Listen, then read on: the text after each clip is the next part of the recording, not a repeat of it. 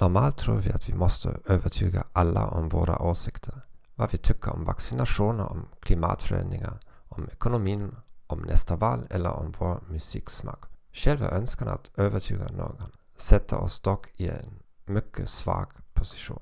Om du ger upp avsikten att övertyga din andra person i ett samtal kommer du att känna en ovanlig frihet. Du kan stoppa konversationen när som helst utan att må dåligt. Du kan helt enkelt gå vidare till ett annat ämne. Jag själv älskar att lyssna på klassisk musik och spela fiol. Men behöver jag verkligen övertyga någon som tycker att modern talking är världens bästa musik? Eller att det är viktigt att läsa böcker? Naturligtvis finns det situationer där vi verkligen behöver övertyga den andra personen.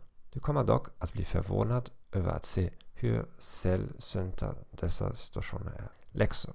Gör en granskning av dina konversationer och utvärdera hur ofta du under en dag kan ge upp att försöka övertyga din andra person utan att förlora någonting. Jag tackar dig för att du lyssnade och adjö.